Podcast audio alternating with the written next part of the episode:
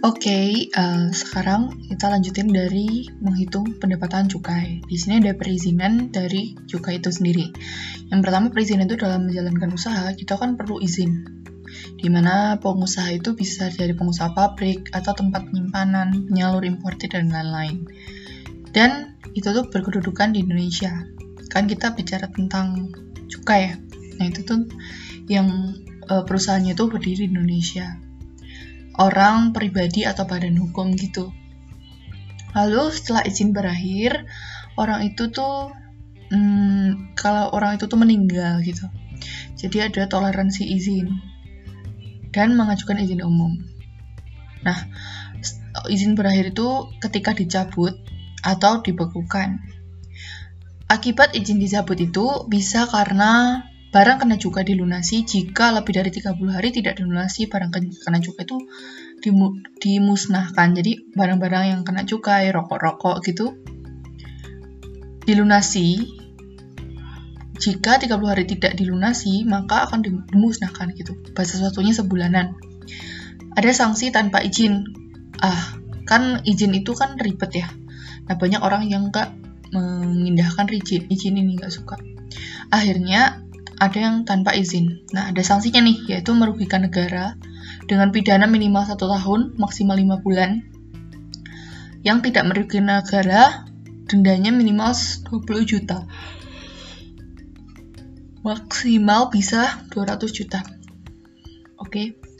next, pembukuan. Jadi, dari cukai ini dibukukan, yaitu ada tempat ada pabrik, ada tempat penyimpanan, ada importir, ada TPI penyalur. Di situ akan dibukukan berisi harta utang, modal, dan biaya. Laporan keuangan gitu. Jadi, uh, harta, utang, dan modal itu akan masuk ke laporan keuangan.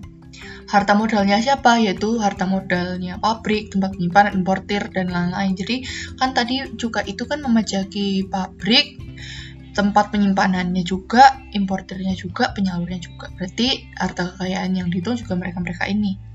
Menyampaikan laporan keuangan, nah dikecualikan dari kewajiban pembukuan adalah pengusaha-pengusaha yang berskala kecil atau non-PKP. Jadi bukan pengusaha kena pajak ya, karena dia skala kecil. Jadi itu pengecualian. Hanya diwajibkan melalui pencatatan yaitu pemasukan produksi dan pengembalian, menerima pemakaian dan pengembalian PC atau tanda pelunasan cukai lainnya. Tidak mencatat sesuai SAI dengan denda 25 juta.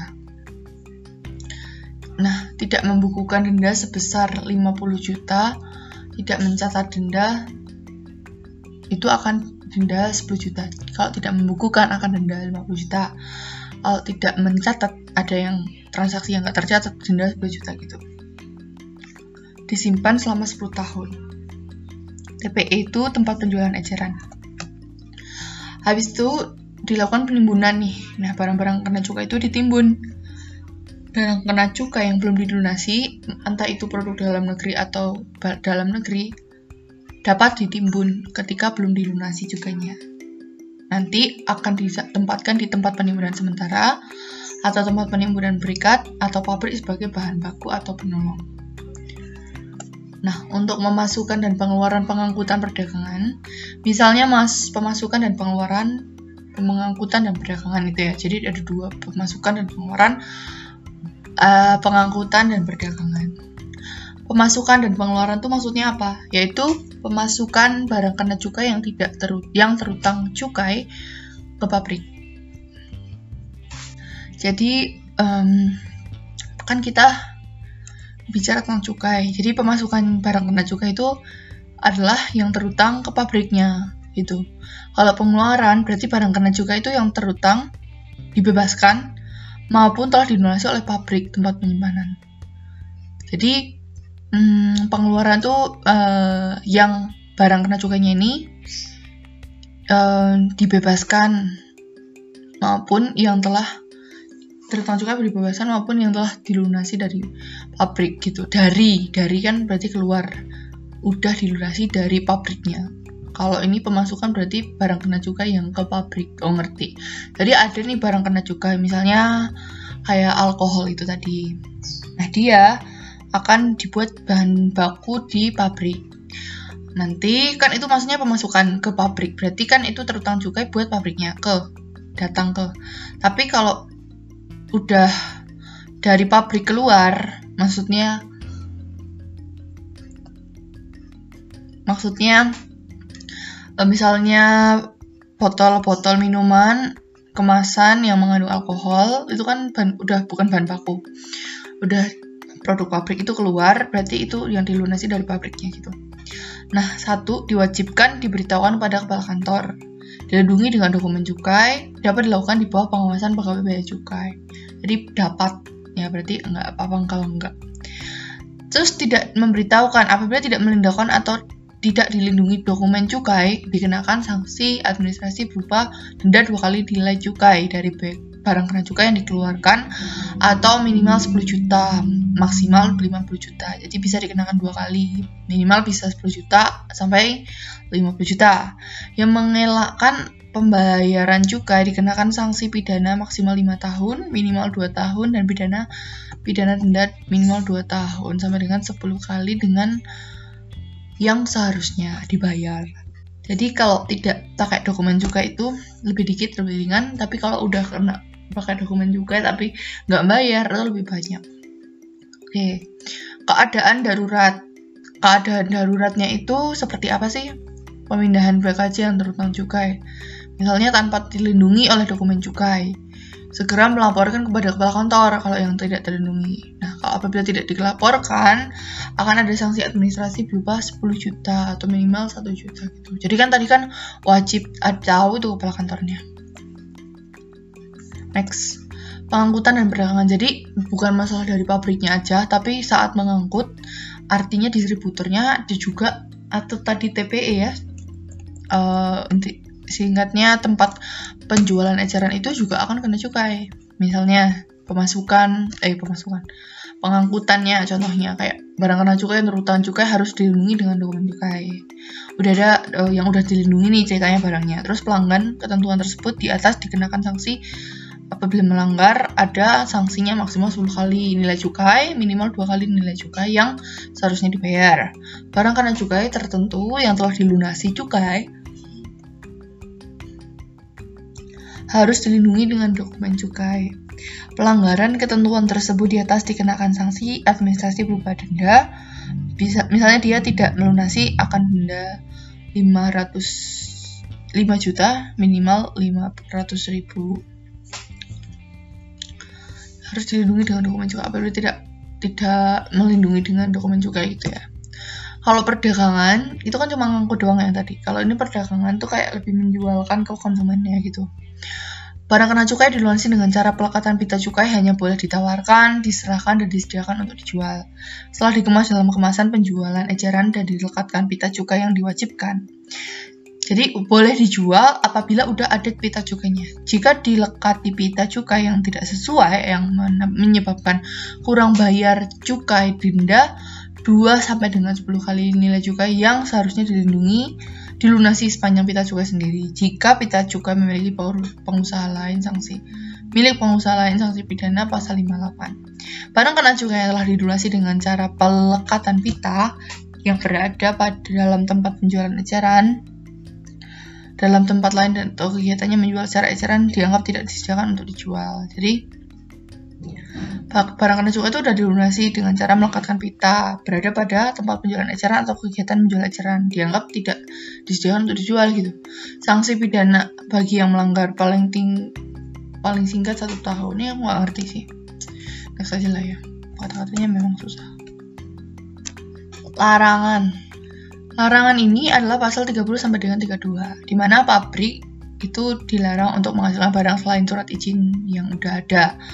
Produksinya terpadu dan ada pemisahan yang jelas antara barang kena cukai dan tidak cukai jadi nggak boleh dicampur gitu supaya nggak bingung. Melanggar cabut izin sesuai pasal 14 ayat 4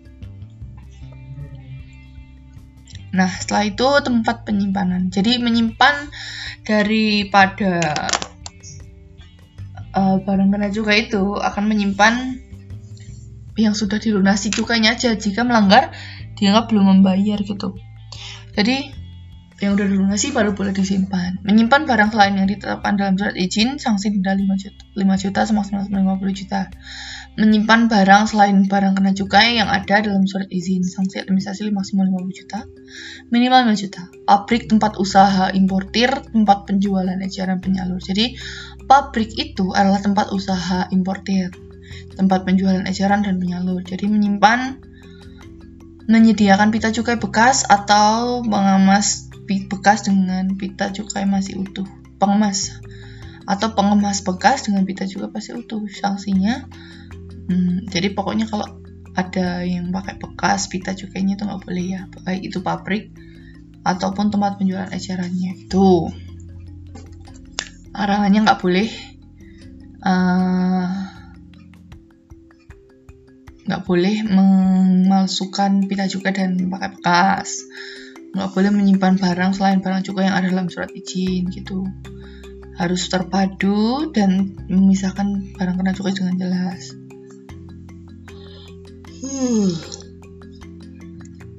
terus harus menyimpan barang kena cukai yang sudah dilunasi cukainya jika melanggar yang belum membayar kewenangan di bidang cukai ya. Jadi cukai ini kan memiliki wewenang untuk menghentikan, memeriksa, mencegah dan menyegel. Misalnya kayak um, pabrik rokok lagi berjalan dari Temanggung ke Kudus buat dibuat rokok. Habis itu orang bea juga mungkin menyekat truk itu bisa gila ya. Kayak, kayak gitu kali. Menghentikan memeriksa mencegah menyegel gitu. Boleh. Kali. Kali aja terus mencegah sarana mengangkut. Jadi mencegah adanya pengangkutan dapat dilengkapi senjata api. Jadi makanya cukai itu ada yang pakai senjata api gitu biar pada takut dan nurut gitu. Minta bantuan kepolisian RI, TNI, dan instansi lain mengambil tindakan yang diperlukan berupa tidak tidak melayani pemesanan bisnis atau tanda pelunasan cukai lainnya. Jadi dia tuh mengambil tindakan yang diperlukan berupa tindakan melayani pemesanan bisnis atau tanda pelunasan lainnya. Audit di BDK cukai. Hilang eh, bagian dua adalah pemeriksaan. Jadi ketika udah di bagian umum udah bisa menghentikan terus mencegah mengangkut, ini ada yang diperiksa gitu.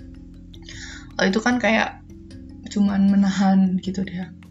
Kalau ini tuh kayak lebih menggeledah gitu.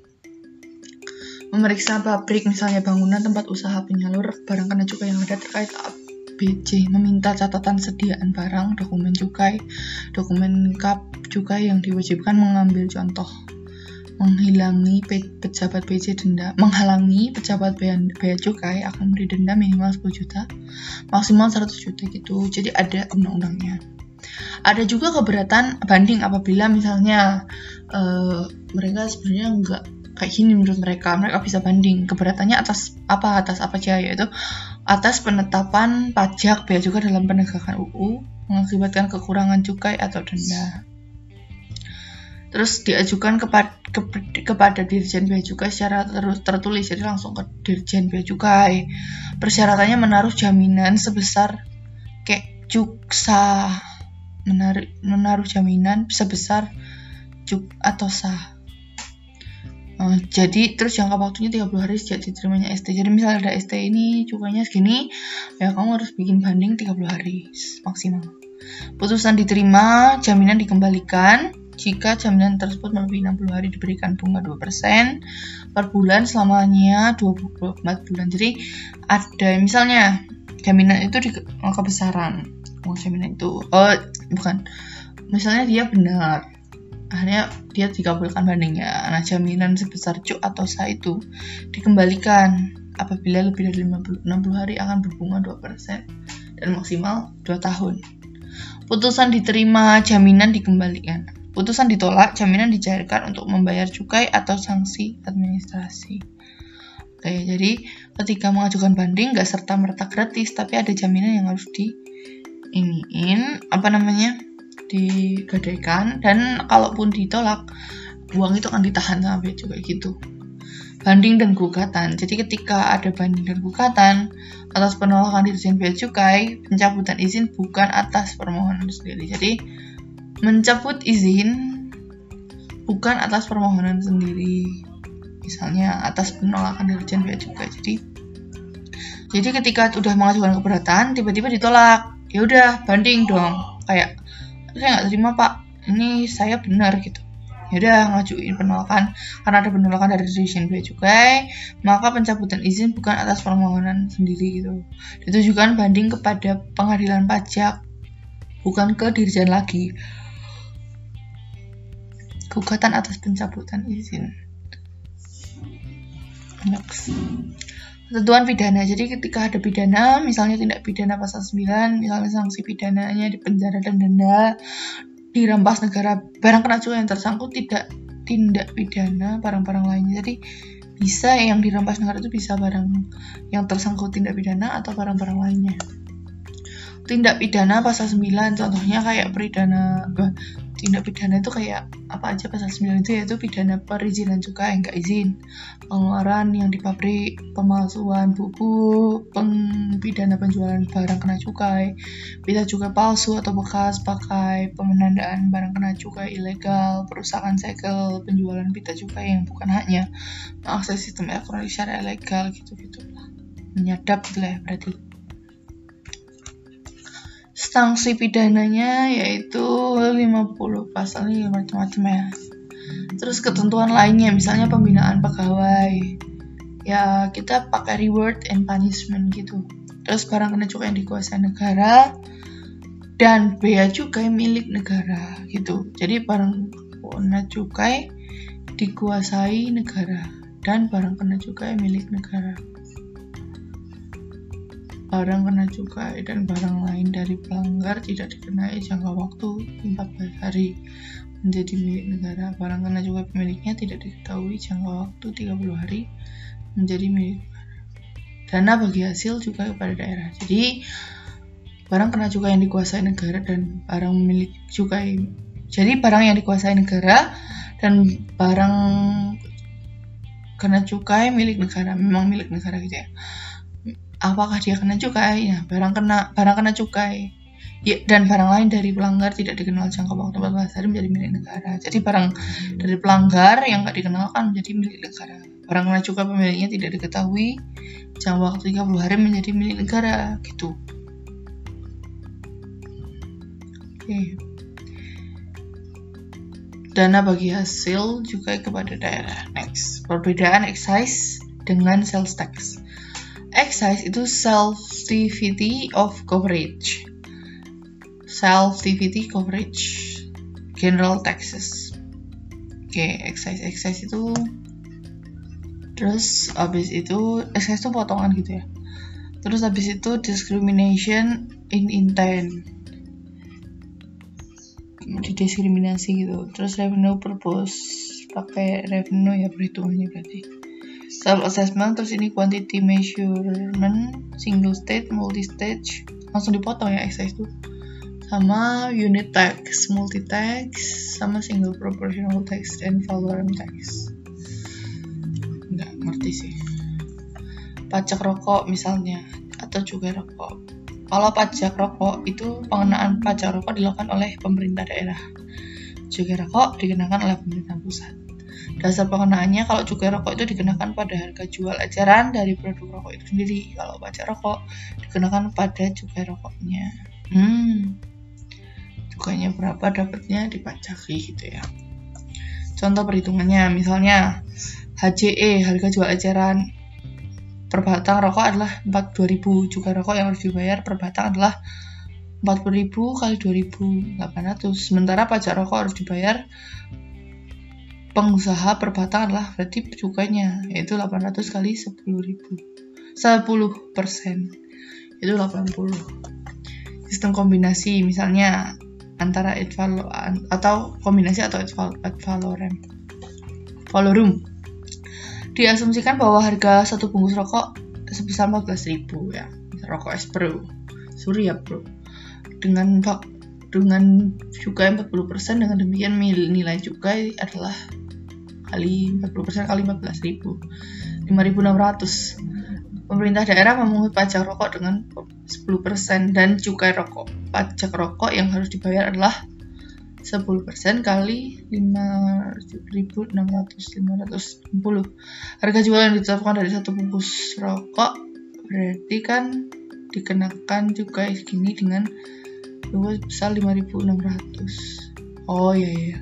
Jadi harga jual yang terkena pajak dan juga rokok adalah 14.560 dan juga cukainya 5.600 Oke deh. Terus latihan satu misalnya rokok merek X dengan jumlah harga jual eceran HCE per batang 600 termasuk cukai menggunakan tarif spesifik.